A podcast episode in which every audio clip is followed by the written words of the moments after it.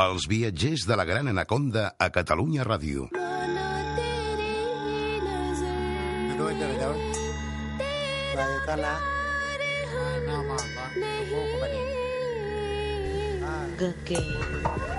Please hear my anguish words of truth.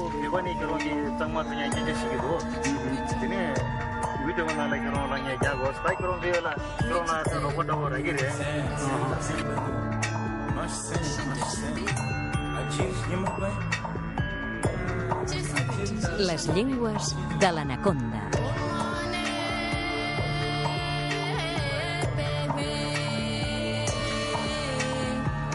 David Valls, què tal, com estàs? Bé, anar fent. Mira que hi ha llengües que estan a punt d'extingir-se, eh? Sí, n'hi ha N'hi ha moltes. moltes més de les que ens pensem, eh? Eh, Sí, de fet, potser, ara no vull ser pessimista, però diria...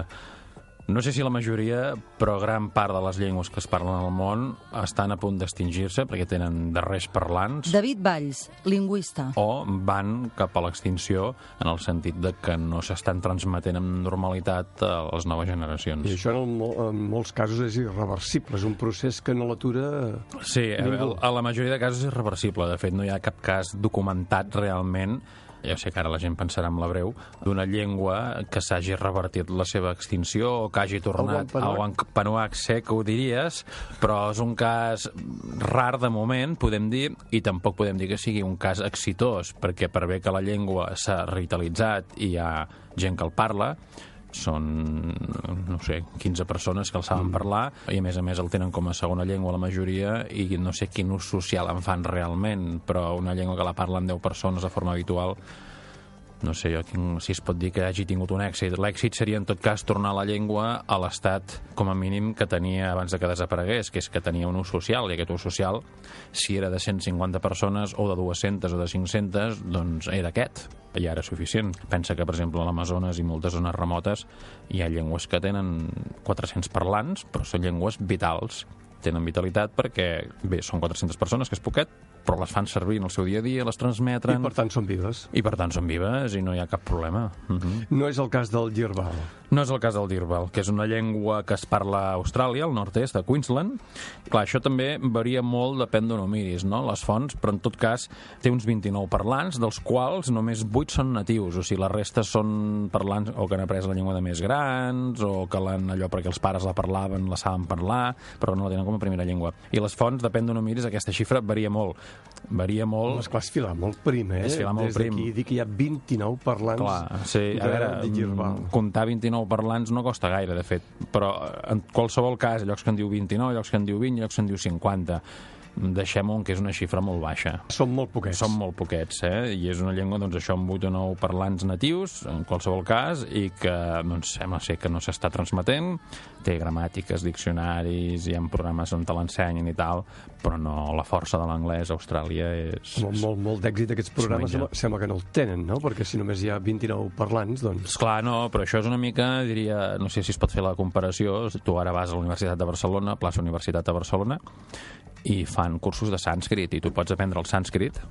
Ara, aquella aula, quanta gent són? 15 persones, 20 persones? 6 persones, 5 persones... Sí, és igual, les que siguin. No, una mica més perquè ho he fet. Eh, érem 15 o 20 a classe, en dels quals n'hi ha uns quants que mig curs pleguen perquè ja els, els avorreix, i els que van continuant fan tres cursos de sànscrit i bé, acaben tenint una mica de nivell de sànscrit, podent llegir textos i quatre coses. Ara, això fa que el sànscrit sigui una llengua revitalitzada, això fa que el sànscrit sigui una llengua que s'utilitzi a Barcelona mateix. A Barcelona, no. Com a mi a Barcelona no. Aquella estoneta... no ho sé. Eh, clar, aquella estoneta sí, a, a la classe aquella, no? I ben just, esclar, mm, perquè et facin classes de dirbal i vagin 20 persones o n'hi vagin 50, tampoc fa que la llengua revitalitzi. Hi ha un coneixement passiu de la llengua, hi ha una gent que potser la pot fer servir, però això no fa que surtis a plaça Catalunya i sentis una conversa d'un nen amb el seu avi que donen besses als coloms en sànscrit. No, ja veig, ja veig que també deu ser difícil anar pel carrer i sentir parlar d'Irbal. Ah, això mateix. Sí, sí, és una llengua que les deu sigui, parlar. molta casualitat. gent gran, a casa i poca cosa més. Sí, sí. I d'on ve aquesta llengua? Bé, és una llengua que pertany a la branca dirbàlica de la família de, de les llengües Pama-Nyungan. Ens hem quedat tots igual. Ens hem quedat tots igual. Jo també. Sí, en tot cas, una llengua pertany- d'origen, no? Sí, és, no és una llengua aïllada, sinó que pertany a un grup de llengües. Això hi ha una teoria d'un lingüista que diu que, o pretén demostrar, no sé si ser o no, que totes les llengües australianes venen d'una mateixa llengua. Passa que això fins ara no, no s'ha pogut demostrar gaire, perquè fa molts anys que allà hi viuen Home, diuen persones. 50 i alguns especialistes diuen fins a 60.000 mil anys, anys. fa que hi viu gent allà, doncs imagina't, si aquella gent van venir parlant tots una sola llengua, si amb el llatí en 2.000 anys i ja has vist com ha quedat la cosa, diguéssim, que no ens entenem, que vas a Madrid i diuen que no t'entenen, mm, doncs imagina't amb una llengua... És cert aquest fenomen, eh? Sí, sí. Sí. que n'he sentit parlar, sí. Sí, oi? Bé, però en qualsevol cas, imagina't, si vas a Madrid parlant català i diuen que no t'entenen i ja veus tu el català el castellà el que s'assemblen, doncs imagina't una llengua que han passat 60.000 anys, suposant que aquella llengua fos la mateixa, què n'ha de quedar d'aquella llengua original, com pots reconstruir allò, és molt complicat. El mateix indoeuropeu, que deu tenir 5, 6, 7.000 anys, ja costa molt reconstruir segons quines coses, tot i això hi ha indicis, eh, que allò era una sola llengua, i queden les arrels, i queden molts números i moltes coses. Escolta'm, i què li passa al Girbal? Uh, Per cert, tu li dius Girbal, Girbal? Dirbal. Dirbal, eh? Sí. Perquè té una D i una Y, I una Y, i una I sí. llatina, I una I llatina. per acabar-ho d'arreglar. Dirbal, Dirbal. No sé Dirbal, com eh? s'hauria de pronunciar, hauríem de preguntar a algú Amb un aborigen, Amb un aborigen Dirbal, d'allà. però clar, ja hem dit que Eh. seria difícil de trobar-lo. Sí, bé, buscar el, el, el llistint telefònic. Sí, potser, això I- i abans pel- es feia almenys. I pel cognom, a veure si n'encertem algun. sí. Et preguntava quina és l'especificitat de... Sí, a veure, és una llengua... moltes, esclar. Totes les llengües tenen especificitats. Òbviament, si un dirbal fes aquest programa de ràdio i parlés el català, trauria trets exòtics del català, que també en té molts, des d'un punt de vista d'un dirbal. Però nosaltres som catalans i des del nostre punt de vista el dirbal té, entre altres coses, un gènere, eh, que en podem dir el gènere comestible. Que es pot menjar. El gènere no, però fan servir un gènere específic per plantes comestibles. Eh? Només per plantes comestibles. Sí, sí, és a dir, sí. hi ha masculí, femení i... Uh, El gènere de les plantes i les plantes comestibles. De fet, tenen més gèneres. Ara expliquem tot una mica més, més Sí, explica'ns-ho, perquè El gènere ja és una cosa que hem tractat bastant aquí. Malauradament, no tot el personal d'aquesta casa de Catalunya Ràdio s'escolta aquest programa, amb tota la modèstia del món. Eh? Bé, per començar, el terme tradicional, aprofitem del gènere, de les gramàtiques, d'allò de dir el masculí, el femení, tot això. Bé, el fet de dir-ne gènere és una qüestió doncs, que ve de les llengües europees, d'algunes, no totes, doncs, perquè només tenen dos gèneres o algunes tres que tenen el neutre, com l'alemany, no? masculí i femení. No? Però quan els lingüistes, els lingüistes europeus, evidentment, no? des d'un punt de vista eurocèntric, van començar a veure altres llengües, se'n van anar cap a Àfrica, cap a Amèrica, doncs van veure que això de tenir dos gèneres o tres era una cosa bastant reduït a llengües europees i que hi ha llengües amb molt més gèneres. A Àfrica mateix, les llengües bantu tenen fins a 15-16 gèneres, no? Llavors van dir, això no en podem dir gèneres, sinó que en direm classes nominals, que és com se diu de forma més tècnica, que al final no deixa de ser un sistema de classificació de substantius, no de persones. Hi ha gent que s'entesta a classificar persones mitjançant el gènere, però no és cert. El gènere és per classificar substantius, noms, dit així més planetament. Ah, Llavors, el gènere comestible només es troba en llengües australianes.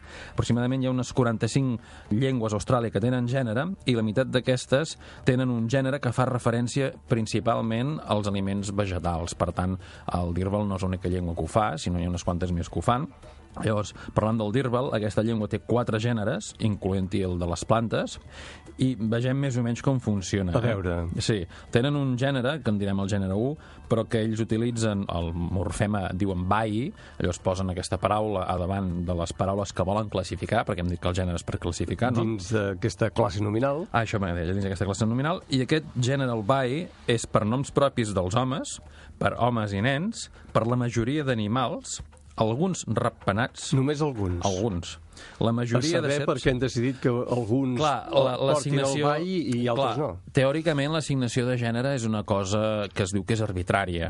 Llavors, en aquest cas, eh, jo no sé quina classificació perquè alguns ratpenats sí, d'altres no. També la majoria de serps, granotes, llargandaixos, alguns ocells, no tots, la majoria de peixos, tampoc tots, el marisc, la majoria d'insectes, la lluna, l'art de Sant Martí, els trons, els llamps, la pluja, el boomerang, l'am, la xarxa de pescar i gomera, que és una arma que tenen allà tradicional. Sí, Ah, Llavors, és el que una arma dèiem... d'impuls tradicional, sí. El que dèiem, els gèneres és d'assignació arbitrària, teòricament, però potser no sempre és arbitrari, perquè si aquesta gent reserven un gènere per les plantes comestibles, potser aquí no hi ha arbitrarietat. Això pot ser un sistema també de supervivència, perquè totes les plantes que anomenis amb aquell gènere, saps que te les pots menjar. Clar. Les plantes que no anomenes amb aquell gènere, com a mínim dubte i no te la mengis. Clar, una llengua no deixa de ser el reflex de les necessitats d'un grup Correcte. cultural. Sí, sí, sí, sí, És sí. dir, tu has tingut la necessitat de designar allò d'una forma determinada. No? Ah, això mateix.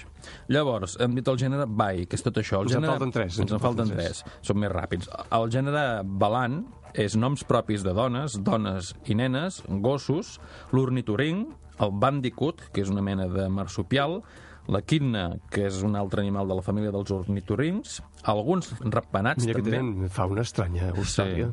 Sí. sí.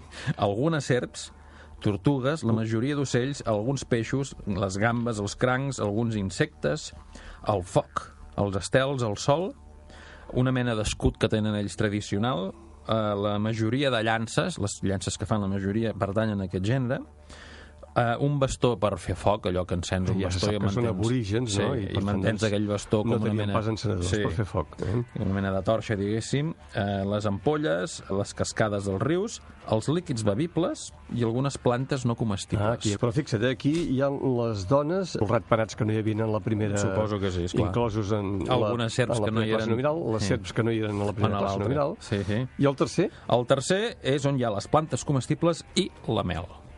Que no deixa de ser comestible, encara que no sigui una planta. Mm. Encara que no sigui una planta. I, i només hi això. Llavors, si tu dius, imaginem-nos una planta que ens podem menjar, no sé, l'enciam, no? Doncs jo m'imagino que aquesta gent, com que és el gènere balam, Hauries de dir balam, no sé Clar, què. nosaltres diem l'enciam, el enciam, Sí. eh, és masculí, ells diran balam-siam, per dir-ho així ara... Sí, sí, fent clar, no sabem com es diu enciam No sabem com es diu un símil, eh? Eh, Exactament. La mel, doncs ells diran balam-mel, i anar fent. S'ha acabat, no? s'ha Les acabat. plantes comestibles i el mel. Clar, si és una planta que no és comestible, imaginem un cactus, m'ho invento, doncs han dit que les plantes no comestibles era balant, acabat amb vena, doncs ells diran balant cactus.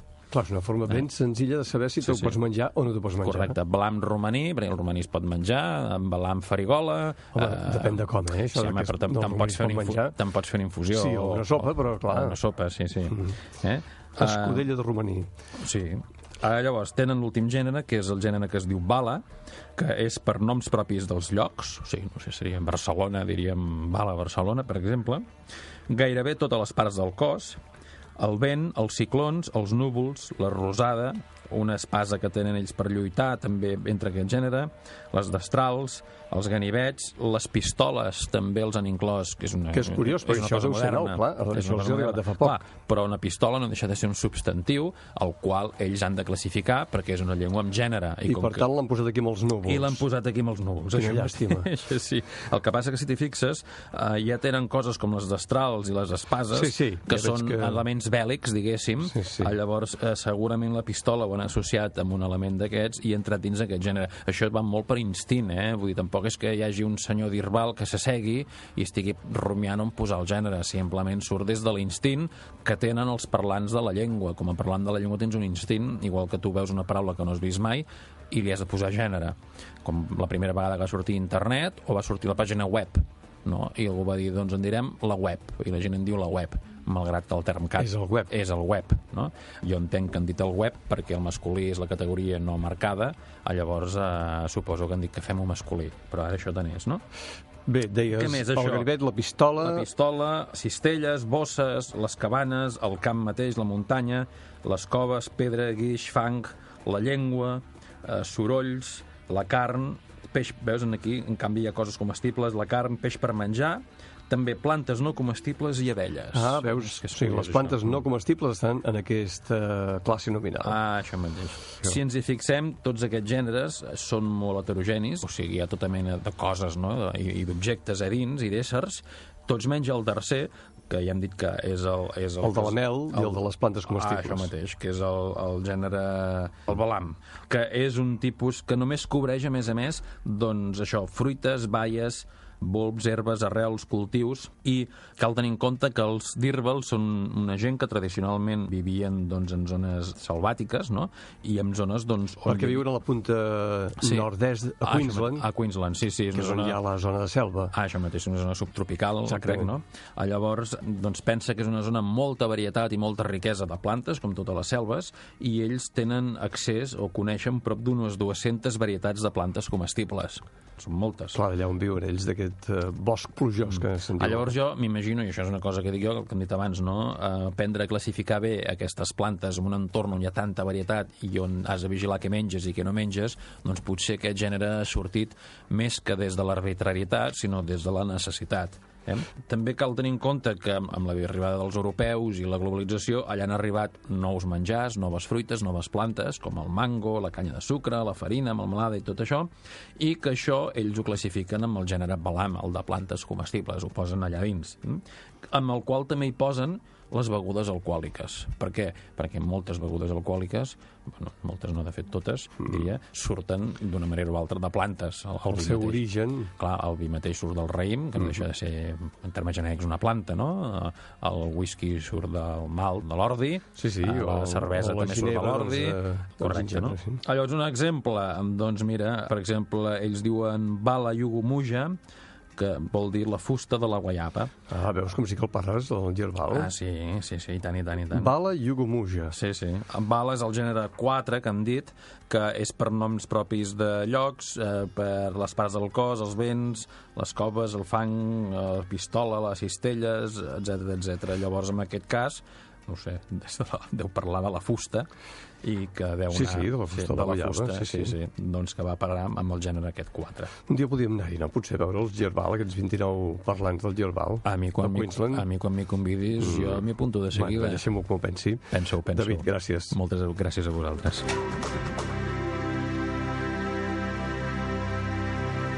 Els viatgers de la Gran Anaconda, amb Toni Arbonès.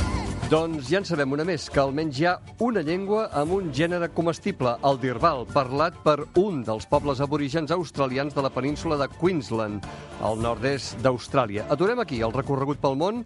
Ben Hastacio, Lisenda Sor, Judit Sala, Dolors Martínez, Joan Anton Ramoneda, Carles de Boi i avui qui us parla també Toni Arbonès. Us agraïm que ens hagueu acompanyat en la nostra descoberta d'avui. I recordeu, tots som viatgers de la Gran Anaconda i ens mirem el món amb les orelles. Fins aviat.